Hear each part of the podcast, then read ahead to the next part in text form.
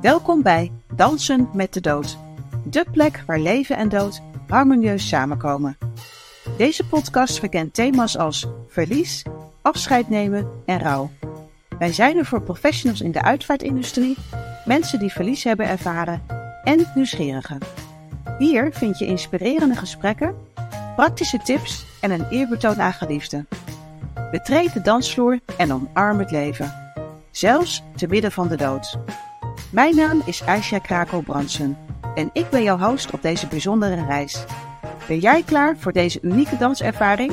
Abonneer je dan nu en ontdek wat deze podcast voor jou in petto heeft. Stel je voor dat je met een vrouw zo'n band opbouwt dat het echt voelt als familie. Dat overkwam Anneloes Kokshoorn van uitvaartonderneming Anneloes met Aandacht. En wij zijn heel benieuwd naar haar verhaal. Anneloes. Nou, Hi. Hi, goedemorgen. Ehm, als eerste super bedankt dat we hier samen zitten in deze aflevering. Nou, Eh. jij dank dat je, dat je hier bent. Je bent afgereisd naar, eh, naar de boot. Ja, prachtige landschap waar je woont, in de natuur en toch vlak bij de stad. Ja, ideale combinatie. Ja, zeker met het werk wat je doet. Ja. Hè? Dat je veel op je afkomt. Dat, je, dat er veel op je afkomt. Ja. Daar gaan we het straks allemaal over hebben. Eh, wat ik net aangaf in de kleine introductie is dat jij een bijzondere band hebt opgebouwd met een vrouw voor wie jij de uitvaart hebt mogen eh, ja, verzorgen. Klopt. Ehm, Ja. ja, hoe, hoe is dat zo eh, gekomen en hoe was jullie band? Ja, hoe dat gekomen is, is echt, ja... Ik denk dat dat een beetje, als je een bijzondere band en klik met iemand hebt, gaat dat een soort van vanzelf. Het was er ineens. Zij stuurde mij een bericht. Ze had een, eh, een flyer van mij. eh flyer eigenlijk nooit. Maar ik had er een paar in Amsterdam bij een Ecoplaza neergelegd. En zij had er een meegenomen. En zij eh, wist dat ze ziek was.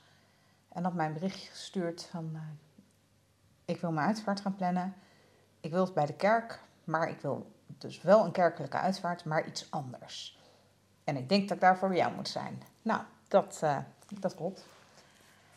Maar ehm, ja, ze wilde wat anders. En daardoor kwam ze bij mij terecht. En eh, eigenlijk vanaf het moment dat ik bij haar binnenstapte, hadden wij een enorme klik met elkaar. Heel veel dingen zaten we op één lijn. En ja, dat ik op een gegeven moment inderdaad... Ik kwam thuis en ik zei tegen Daan, tegen mijn vriend... Van nou, als mensen tegen mij zouden zeggen... Jij bent geadopteerd en dit is eigenlijk je moeder. Dan zou ik zeggen, oh ja, makes sense. Logisch. Het was echt... eh, ja, het voelde zo vertrouwd. Maar tegelijkertijd ja, was dat dus ook heel jammer. Want je weet dat je wel afscheid van haar moet gaan nemen. Want daarvoor ben ik daar natuurlijk. Om haar afscheid met haar te organiseren. Dus je bouwt iets op met iemand die er, nou, je weet niet hoe lang iemand nog, zij heeft uiteindelijk nog ongeveer een jaar geleefd. En ja, je gaat toch, je krijgt een gevoel bij iemand, je bouwt een band op, en terwijl je weet dat je afscheid gaat nemen. En dat is heel gek. En tegelijkertijd, ja, ook heel bijzonder, ook heel mooi. En dat, eh, dus ik heb ook bij haar afscheid, had ik natuurlijk mijn rol als uitvaartondernemer. Eh, maar daarnaast heb ik ook nog echt letterlijk een soort stapje opzij gezet. En vanuit mezelf nog iets verteld over, over de band die wij op hebben gebouwd met elkaar in die tijd. En tijdens dat stukje was ik ook dan gek genoeg wel emotioneel echt. En dat kon en mocht er toen ook zijn. En daarna ging ik weer in mijn andere rol. Dat ja, stond zo naast elkaar. En dat was heel bijzonder. Dat heb ik nog niet eerder ook zo meegemaakt bij een uitvaart dat ik zelf op zo'n manier bij iemand ook betrokken was geraakt. En ik vind dat ook wel ja, een van de mooie dingen van dit werk. Dat bij ander werk, die, die diepgang en die connectie met mensen, bij ander werk heb je dat toch niet zo snel. Dat het, Ja, want je komt uit het bedrijfsleven, hè? dus je hebt Ja. wel heel veel mensen eh, kennis opgedaan en veel met mensen gewerkt. En Ja. eh, wat heeft je dan toch toen besluiten om de overstap te maken naar de uitvaartbranche? die extra laag die het biedt. Eh, ik werd prima blij van mijn werk. Ik vond het hartstikke leuk. Eigenlijk al het werk wat ik, wat ik hiervoor gedaan heb, vond ik echt wel leuk. Het is niet zo dat ik daar dat ik per se iets anders moest. Maar ik miste wel iets. Maar dat weet ik, wat dat dan precies was, weet ik eigenlijk pas sinds ik dit doe. Dat ik weet dat ik nergens anders, geen enkel ander werk zou kunnen hebben, wat mij privé ook zoveel brengt als dit. Het is zo'n toegevoegde waarde. Weet je, op zo'n manier emotioneel betrokken raken bij je werk en ook gewoon geëmotioneerd worden, echt geraakt worden door je werk. Ik kan me niet voorstellen dat ik dat ergens anders zo mee zou hebben. Dat is voor jou echt de, het kenmerk van Ja. uitvaartondernemers. Ja. Dat je echt persoonlijk wordt geraakt. Heel veel mensen Ja. zouden daar juist misschien op afknappen. Want je werk is je werk, je privé is je privé. Ja. Dat matcht niet altijd goed. Nee, dat kan ik me wel voorstellen. Maar ik vind het een verrijking. Als iets mij echt raakt, dan vind ik dat een verrijking. Ook al maakt het je dus emotioneel. En ook daardoor ehm, ga je ook de dingen in het dagelijks leven meer waarderen. Weet je, dat klinkt een beetje als een cliché. Misschien, maar het werkt wel echt zo. Dat als ik thuis kom, denk soms van ja, waar maak ik me eigenlijk druk om, weet je? Want wa- wat ik vandaag gezien heb, ja, dan is de rest toch allemaal niet zo belangrijk meer. Dus echt relativeren, dat Ja. brengt het jou privé. Ja. Ja. Maar daarna, dat is tijdelijk, hè? Dus maak je geen illusies. Ik zeg daarna gewoon weer, waarom is dat vast niet gedaan? Dat, weet je, dat, ik ben heel zen voor een dag. nee, nee, maar het, het brengt dat wel echt met zich mee. Dat je gewoon, ja, je krijgt zo'n reality check, weet je. Ik kom soms bij zulke jonge mensen of bij jonge ouders die hun kindje verloren hebben. Nou, dan ben ik enorm dankbaar als ik s'avonds mijn kind naar bed kan brengen. Gezond en wel. En ik ga die avond wel twintig keer kijken natuurlijk. Dat hoort er ook bij. Het is niet zo dat ik door mijn werk ga leven in angst. Daar heb ik gelukkig heb ik dat helemaal niet. Maar wel in meer bewustzijn. ja, je noemt ook wel twee positieve kenmerken in plaats van angst. Je hebt het over relativeren, je hebt het over Ja. dankbaarheid. Ja. Weet je, we hebben maar zo korte tijd hier op deze planeet met elkaar. Ja. En eh, als je je heel goed bewust kan zijn van, van dat feit en dankbaar kan zijn, ja, dat verrijkt je leven. Ja. En eh, je zegt van ja, ik heb eigenlijk gevonden wat ik altijd heb gemist. Maar wat is dan het eerste moment geweest dat je überhaupt op dit beroep bent gekomen? Er moet ergens een eerste keer zijn geweest. Ja, dat was ik eigenlijk niet, niet zelf. Ik had eh, een soort lijstje voor mezelf van oké, wat vind ik belangrijk, wat zou ik graag willen. Want ik had wel zoiets, ik, ik wil iets, ik moet iets. Ja, je kan natuurlijk gaan zitten met pen en papier en eh, van ja, oké, wat wil ik worden? Schrijf het maar op. Ik weet het niet. Dan komt er dus ook niks. Tenminste, in mijn geval kwam er niks. Eh, maar wel punten van oké, wat vind ik belangrijk? Wat zoek ik dan? Waar word ik gelukkig van? Ik deed vrijwilligerswerk ook voor een eh, asiel in Spanje.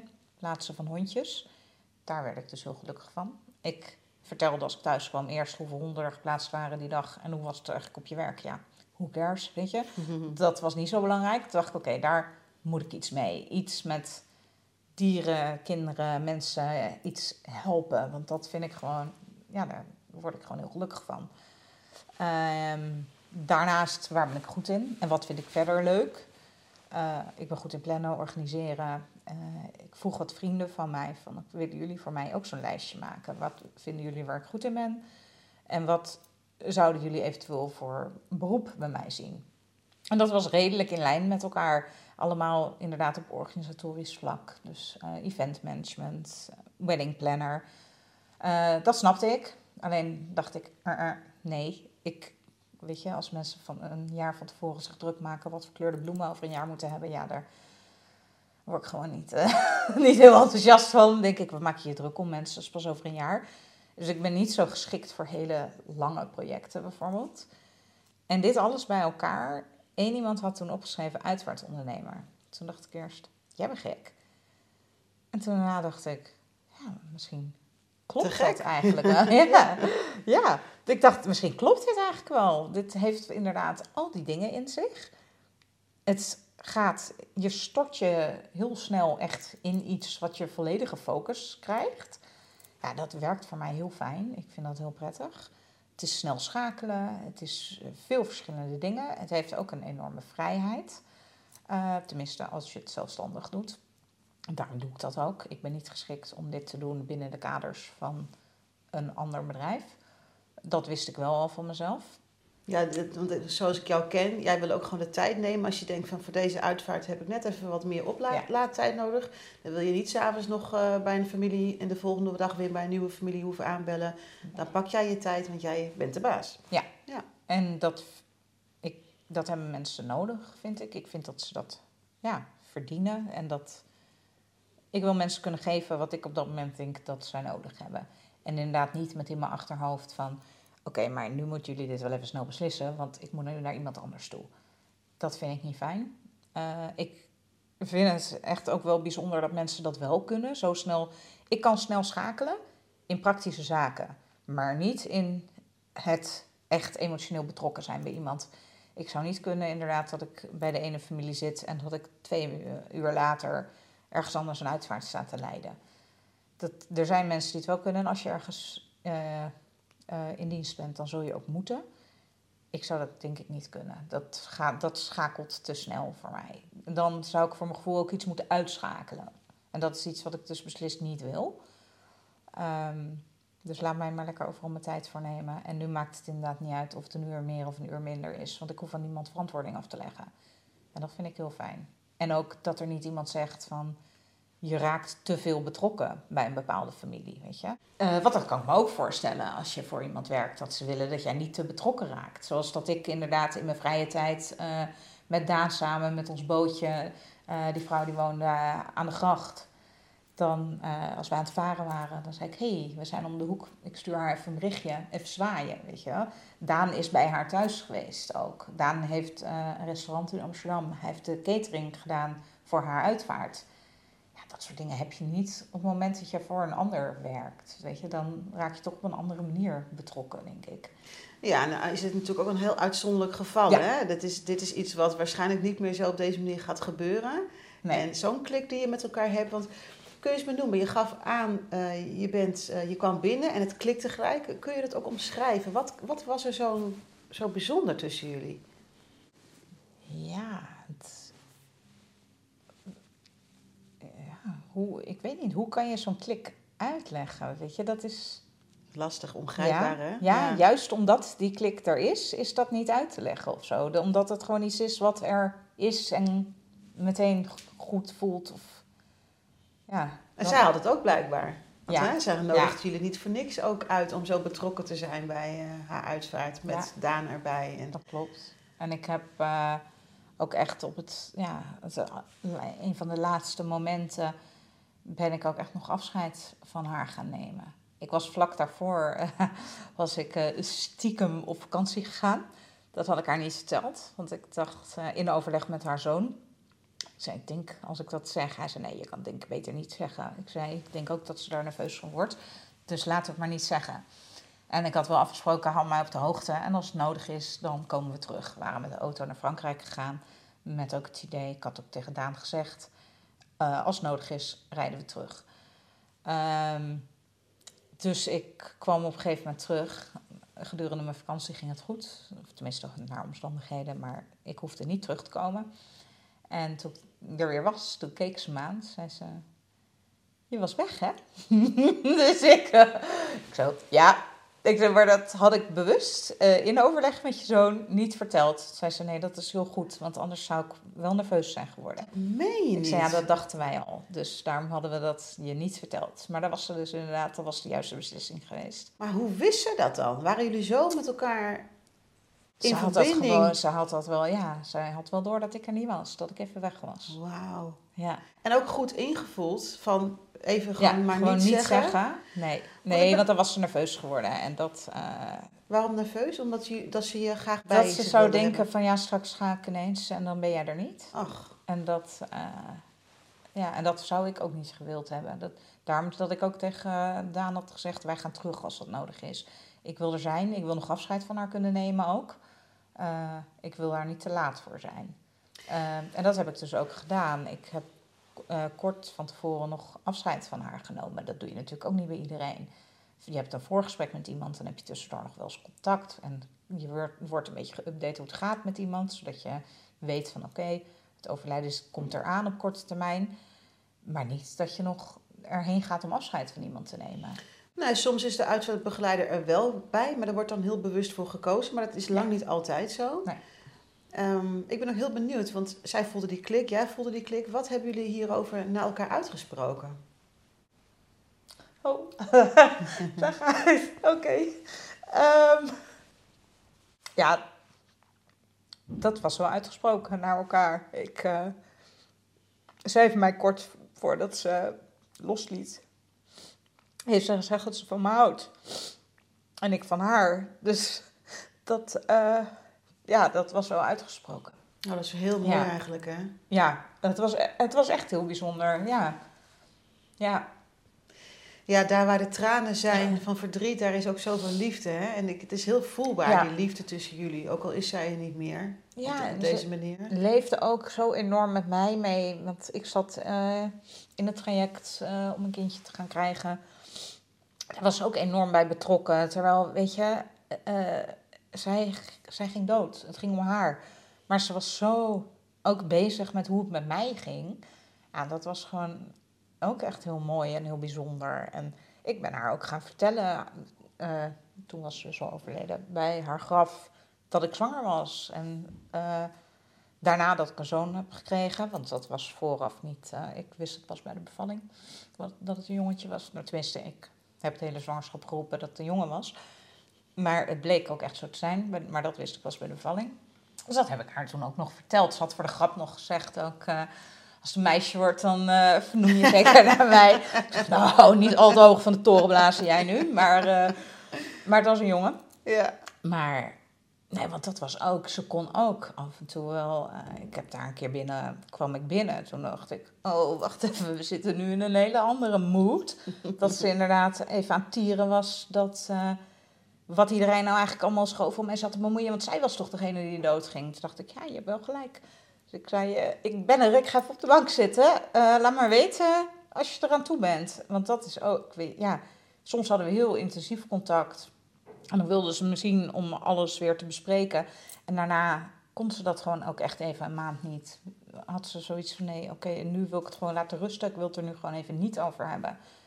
En zo zijn we dat een beetje zo een jaar, weet je, met op en neer. eh, heeft dat allemaal vorm gekregen, dat afscheid. Maar bedoel je dan dat zij zei een maand even niet over de uitvaart praten, dat je elkaar wel zag of wel in contact dan zag? kwam ik wel inderdaad langs even zwaaien. En, eh, Oh ja. Maar eh, gewoon even niet over, over het afscheid. Ehm, op een gegeven moment had, ze, eh, had ik een pop-up in Amsterdam. Toen kwam zij daar langs en haar man die kwam ook een keer langs. En zij hadden ook even een fase waarin ze elkaar even niet begrepen. Wat heel logisch is, weet je. Want ja, je wil elkaar helpen, maar hoe dan? En je moet afscheid van elkaar gaan nemen. En ja, iedereen doet het op zijn eigen manier. En dat is echt wel heel lastig om als partner iemand daarin te begeleiden. Dat, eh, dus daar heb ik af en toe inderdaad ook wat ja, in geadviseerd en met hun gepraat. Van oké, jongens, het begrip voor elkaar is heel even weg. Wat ook niet raar is. Weet je, er is verdriet, er is angst. Eh, zij wil graag dingen plannen, jij wilt er nu op dit moment niet over hebben. Ja, dat was echt wel. eh, ja, dat brengt gewoon de nodige uitdagingen met zich mee. Absoluut. Ja, alle emoties waar je mee te maken hebt, de praktische zaken. Het leven loslaten is niet makkelijk. Nee. En, eh, En dat heb ik inderdaad bij haar ook gezien. Dat, eh, ze was een heel sterke vrouw. En eh, het duurde ook echt best wel lang totdat zij echt los kon laten. En dat, eh, ja, dat zie je dan wel op het einde van het leven. En dat, ik vind het altijd ook wel, die laatste periode heeft ook iets heel moois. Waarin je ook echt wel het karakter van iemand en de kracht van iemand en ik vind altijd heel bijzonder op het moment dat iemand gaat sterven, staat de wereld even stil. Want alles eromheen is ook niet belangrijk. Er is op dat moment niks anders. Ik vind het altijd, ja, ik weet niet, het heeft iets magisch, sterven, vind ik. En vaak kom ik natuurlijk na het sterven pas. Eh, maar ik ben ook regelmatig betrokken dan in de periode daarvoor. Ja, het, het, is gewoon niet te bevatten. Het is zo. eh, Maar dat, ik denk dat alleen mensen die wel eens bij iemand zijn geweest, bij een stervende zijn geweest, begrijpen hoe dat voelt en hoe de wereld dan voelt. Dat is ook zo, ja. Het is, een heel, het is eigenlijk het omgekeerde van een geboorte. Het is ook zo magisch. En dan komt het leven in, in een Ja. lichaampje. En nu vertrekt de ziel, als je daarin gelooft, uit het lichaam. Ja. Je gaf net aan van, ik heb haar, haar verteld hè, van, van jouw kindje, wat er Ja. aankwam, wat het werd, wat het zou worden. Hoe kijk jij zelf tegen de dood aan? Geloof jij in een leven na de dood? Dat weet ik niet. Ja, ergens wel. Want ik heb ook altijd het idee dat iedereen die gaat daarna lekker boven aan het borrelen is met de mensen die, die, eh, die daar al zijn of zo. Ik heb wel het idee. Want ik heb ook het idee dat ik bepaalde mensen die ik verloren heb, dat ik die weer ga zien. Dus, dus blijkbaar wel. Maar niet op een hele bewuste manier of zo dat ik daarmee bezig ben. Maar ik ga daar op een of andere manier wel van uit. Dat ik bepaalde mensen, sommige hoef ik niet per se weer te, weer te zien. Alsjeblieft. Nee, ik weet niet waar die zijn, maar ik hoop niet daar waar ik naartoe ga. Maar eh sommige graag wel. Ehm, wat ik wel altijd mm, voel zelf, is dat als iemand net overleden is, dan is iemand er nog, voor mijn gevoel. En dan is er ergens daarna een moment waarop het ineens anders voelt. Dat ik denk, oh ja, nu ben jij dus vertrokken. En bedoel dat- je uit het lichaam of gewoon een aantal dagen erna? Of hoe, hoe bedoel je dat? Ja, nou, dat, ik weet dus niet heel goed hoe ik dat bedoel. Dat is een gevoel. Dat ik denk van, oké, ja, nu voel ik jouw aanwezigheid nog. Of zo. En op een gegeven moment is dat weg. En dan is het echt iemands lichaam. En ik weet dat daar allerlei verschillende theorieën over zijn. En met een bepaald aantal uur, dagen, dat weet ik allemaal niet. Want, daar, want ik, weet, ik weet het dus niet. En er is niet een bepaald iets waar ik in geloof. Het is meer dat ik dat, dat iets is wat ik dan wel voel of ervaar of zo. Nou ja, het is wel heel bijzonder. Ik weet ook niet of dingen vaststaan, hè? of een lichaam na zoveel dagen. Ja, dat, dat wordt wel gezegd, maar Volgens bepaalde overtuigingen wel, maar Ja. dat, dat weet ik niet. Het is niet dat ik een, van, een bepaalde overtuiging daarin aanhang of zo. Maar ik zeg ook altijd tegen mensen, als mensen twijfelen van wil ik erbij zijn na overlijden, wil ik iemand na overlijden nog zien? Dan zeg ik ja, het is nog steeds dezelfde persoon na overlijden. Het is niet ineens iemand anders. Dus het is ook niet ineens een eng iemand. Het is nog steeds de persoon waar jij van houdt. Maar ik snap ook dat mensen het wel eng vinden. Weet je, dat, die hebben er een ander beeld bij. Als je het nog nooit hebt meegemaakt, ja, dan is dat gewoon heel anders. En vaak als ze dan iemand daarna zien, ligt er ook heel erg aan hoe iemand overleden is. Als, als iemand in het ziekenhuis overlijdt met inderdaad eh, niet Veel zijn eigen kleding aan en veel pijn. En je ziet Ja. dat iemand lijdt en overal allemaal slangetjes heeft. Dan is het niet de persoon die jij kent. En het allermooiste is dan daarna als wij iemand weer thuis mogen brengen. Of iemand weer inderdaad mogen aankleden. En dat iemand dan daarna zegt, ja, dit is inderdaad de persoon die ik ken. En die krijg ik hiermee nu weer terug. En dat is altijd eh, een van de momenten, een van de hoogtepunten van, van de uitvaart voor mij. Dat moment dat mensen iemand weer zien. En dan zeggen ze ook altijd, oh, hoe hebben jullie dit gedaan? Weet je, en dan denk ik, ja, we hebben dan echt niet zo heel veel hoeven doen. Behalve iemand heeft de rust gekregen na overlijden. Niet meer die strijd aan het voeren is. Dan ziet iemand er al zo anders uit. Dan is iemand weer meer zichzelf, inderdaad. En mensen raken dan enorm geëmotioneerd. En dat vind ik, ja, dan denk ik altijd, dit klopt, dit is goed. Weet je, Ja. dat, het moet Ja. goed voelen hè, voor een familie. En ja, een overleden iemand kan echt een hele vredige blik hebben. En dat doet dan zo goed voor een familie. En Ja. weet je, ja, je moet wel iemand laten gaan. En dat, Ja.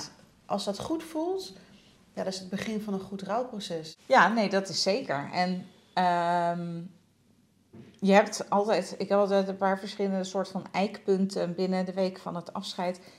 Eh, ik maak me altijd zorgen over mensen die geen emotie laten zien.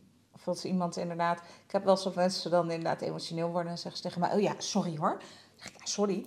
Ik heb liever dat je gaat zitten huilen, want dan denk ik van ja, dit is inderdaad een gezonde emotionele reactie. Er gebeurt wat. Ja. Dus ik zeg ook voor de grap wel eens tegen mensen, jij gaat nog wel huilen hoor, voordat ik hier de deur uit ga. Maar dat is ook gewoon zo en dat is alleen maar goed. Dat, dat moet. Je moet ergens naartoe met die emotie. Je kan het niet maar voor jezelf houden.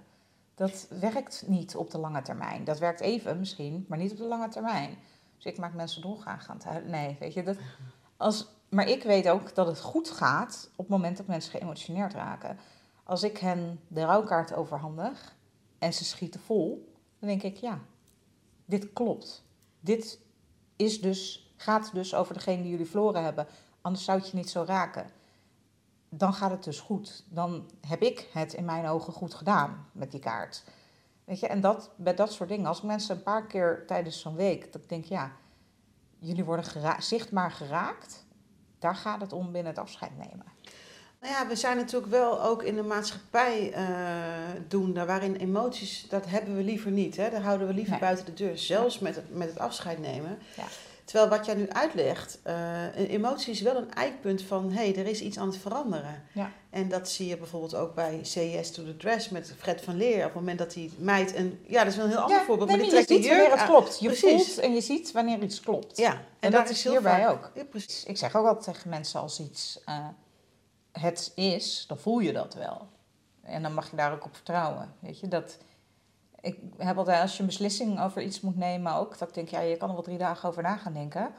Maar je voelde iets op het moment dat jou deze vraag gesteld werd. Of op het moment dat je dit zag, voelde je iets. En dat is het. Dus daar hoef je helemaal niet over na te denken. Ik denk ook nooit zo na over dingen. Ik ben best wel impulsief. Want ik heb het al, ik weet het al. Dat klopt dan ook, hè? Ja. als je dat eh, durft toe te laten, luisteren naar je gevoel. Ja.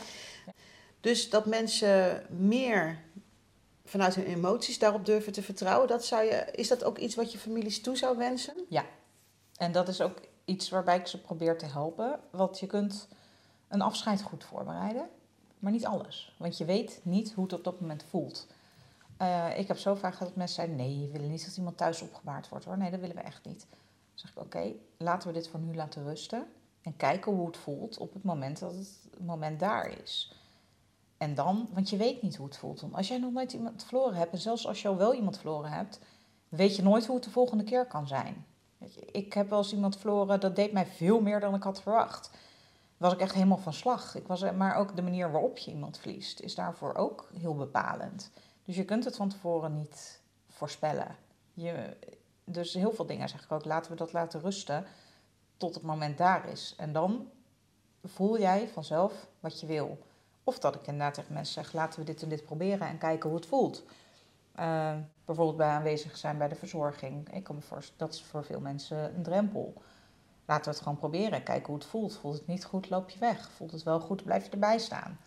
Eh, laten we iemand wel naar huis brengen en thuis opbaren. Voelt het niet goed, kan iemand altijd weer weg. Maar dan heb je het wel geprobeerd. We, en als jij denkt, ik wil dat niet. En iemand eh, verblijft ergens in een uitvaartcentrum en je denkt na een dag, hmm, nou prima, dan gaan we iemand ophalen. Komt iemand wel thuis? Je kunt alle kanten op, maar vertrouw op dat gevoel. Ehm, en dat is iets waar ik ook altijd echt wel aandacht aan besteed bij mensen. Waarin ik ze probeer te helpen.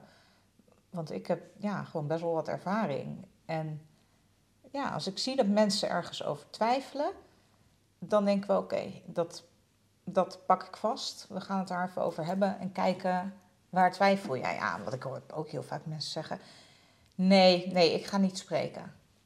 Ja, dat is heel wat anders dan nee, ik ga niet spreken. Ik zeg, je twijfelt. Waar twijfel je aan? En wat gaan we daaraan doen? Ja, Want- wat goed dat je want jij gaat het wel doen. Ja, Ja. ik zeg rustig tegen mensen: Oké, jouw naam noteer ik, jij spreekt. dan kijken ze maar ik, ja, ik zeg, maar ik zag dat je twijfelt, dus ik ga jou deze week over de streep trekken. Dan weet je dat vast. nou, en uiteindelijk zijn ze zo blij dat ze het gedaan hebben. En ik zie dat wel ergens ook als mijn verantwoordelijkheid om mensen daarin ook te begeleiden. En ja, een beetje uit die comfortzone te trekken af en toe, zodat ze gewoon geen dingen in die week doen of juist niet doen waar ze spijt van kunnen krijgen. Ja, want je kan het natuurlijk niet meer over, overdoen. En Nee. je wil het ze wel hebben aangeboden. Ja. Dus dan hun uiteindelijk om ja of nee te zeggen. Ja. Ik hoor je net zeggen, ik heb veel ervaring, dat, dat weet ik van jou. Ook onder andere dat je de uitvaart van je eigen vader hebt gedaan. Hoe is dat? Hoe Ja. heb je dat kunnen doen? Nou, dat, daarna dacht ik dus inderdaad, nou, nu ik dit heb gedaan, dan komt het wel goed. Als, als je als eerste uitvaart een uitvaart doet waar je zelf emotioneel bij betrokken bent en dat gaat goed, dan ja, kan ik dat dus bij andere mensen ook. Was mijn uh, aanname. Nou, dat, zo werkte het ook wel. Ja, het was wel bijzonder. Ik wist al dat ik dit werk ging doen. En ik was nog bezig met de opleiding. En toen bleek dat mijn vader ziek was. En toen zei ik ook tegen hem, ik zeg, wil je dat ik, uh, dat ik jouw afscheid ga doen? En waarop hij zei, kun je dat op? Toen dacht ik, ja, denk het wel. Ja, dat, ik denk dat ik dat wel kan. Verder wilde hij het nergens over hebben. Ik heb nog een paar keer geprobeerd om op een briefje dan te schrijven, muziek, sprekers... en dat dan zo op, nonchalant op de keukentafel te laten slingeren. Nou, daar werd dus mooi, nooit wat opgeschreven. Dus hij uh, wilde niks. uh, toen heb ik daar wel met hem over gehad. Hij, zei, hij wilde eigenlijk ook niet dat er iemand kwam. Ik zeg, oké, zeg maar, mensen komen niet alleen voor jou. Ze komen ook voor mama, bijvoorbeeld, om haar te steunen. Dus misschien vindt zij het wel fijn als er een goede vriendin van haar is.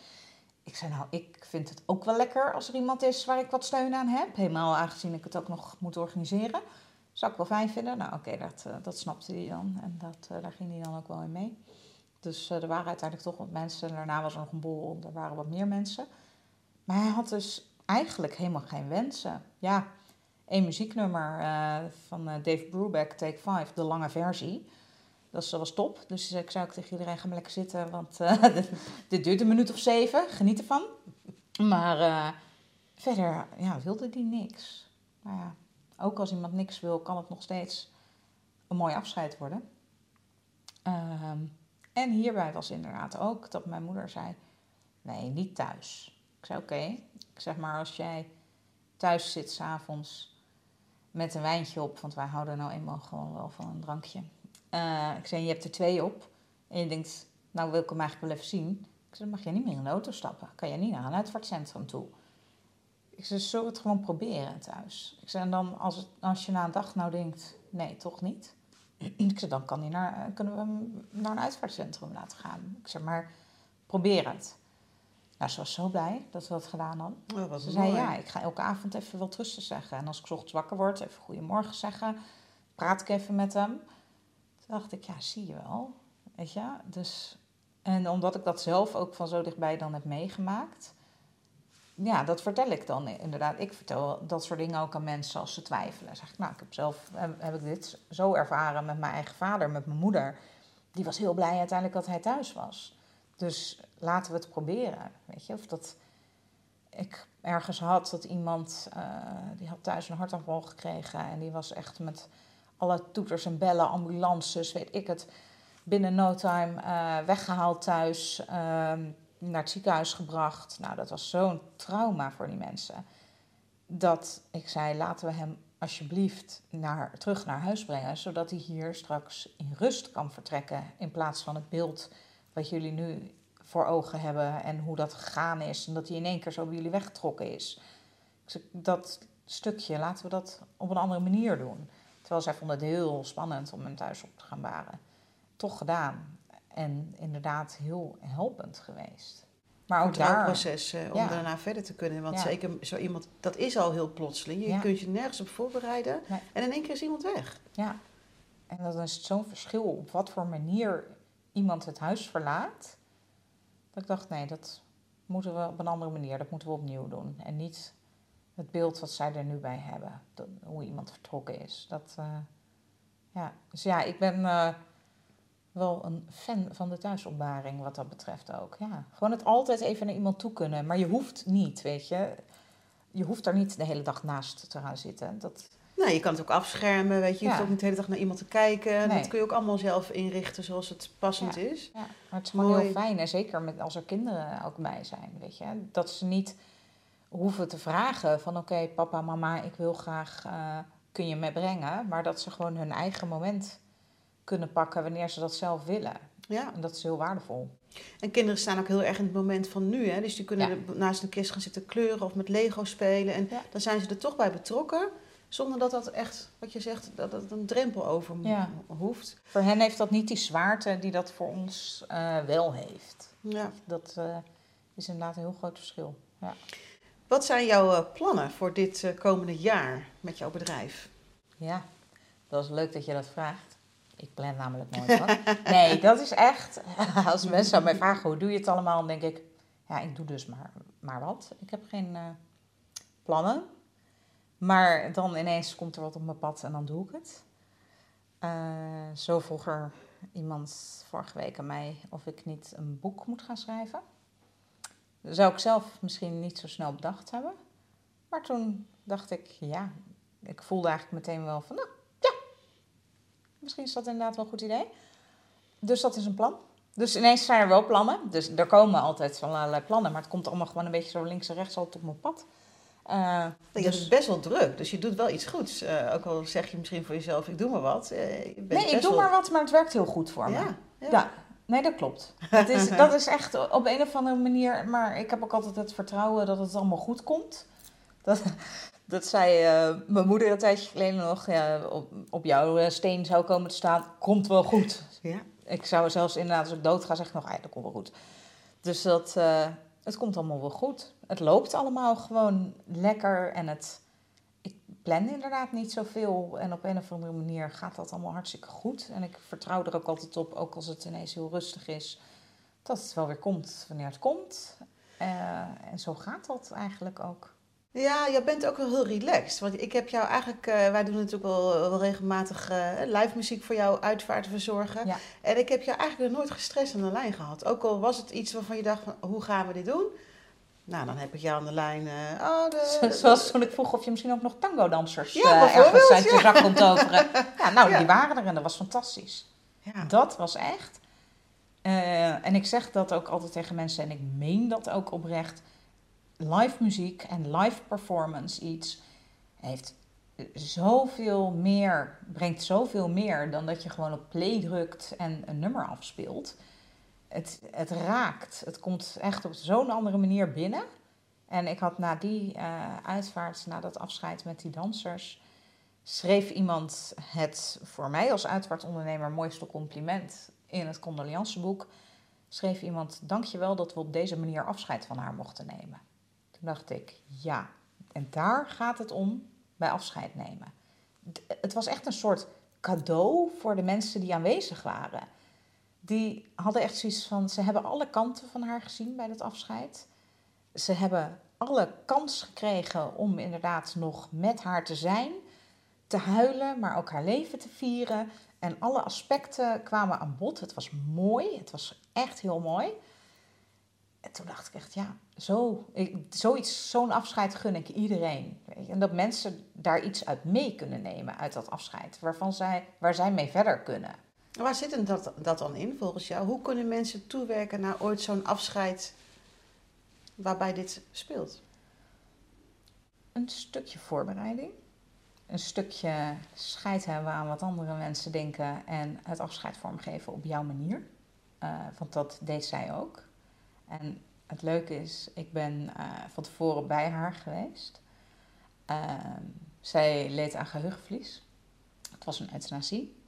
Bij haar kinderen, we hebben nog inderdaad een grapje gemaakt van uh, straks vergeet ze dat ze euthanasie wil. En dan gaat het hele feest niet door. Ja, weet je. Humor is ook wel belangrijk. Ja. En zij had dus ook, zij had humor. En uh, bij de ontmoeting met haar had ik daarna weer zo'n besef van hoeveel voor mij als uitvaartondernemer, hoeveel waarde een ontmoeting met iemand vooraf heeft.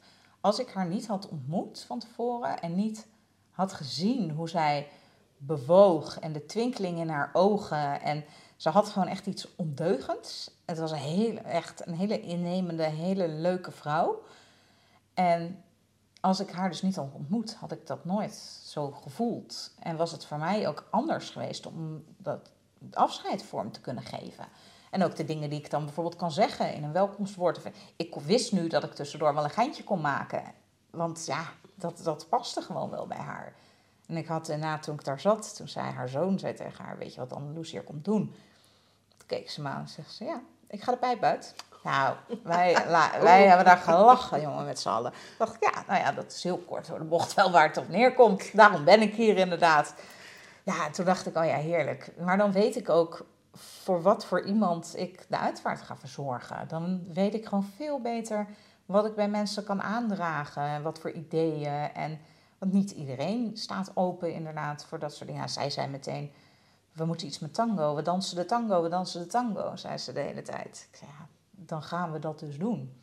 Ja, dat was fantastisch. En ook daarna merkte je bij iedereen dat het afscheid klopte. En een afscheid dat klopt is zo belangrijk voor de mensen die achterblijven om mee te nemen en om ja, mee verder te kunnen en op terug te kunnen kijken.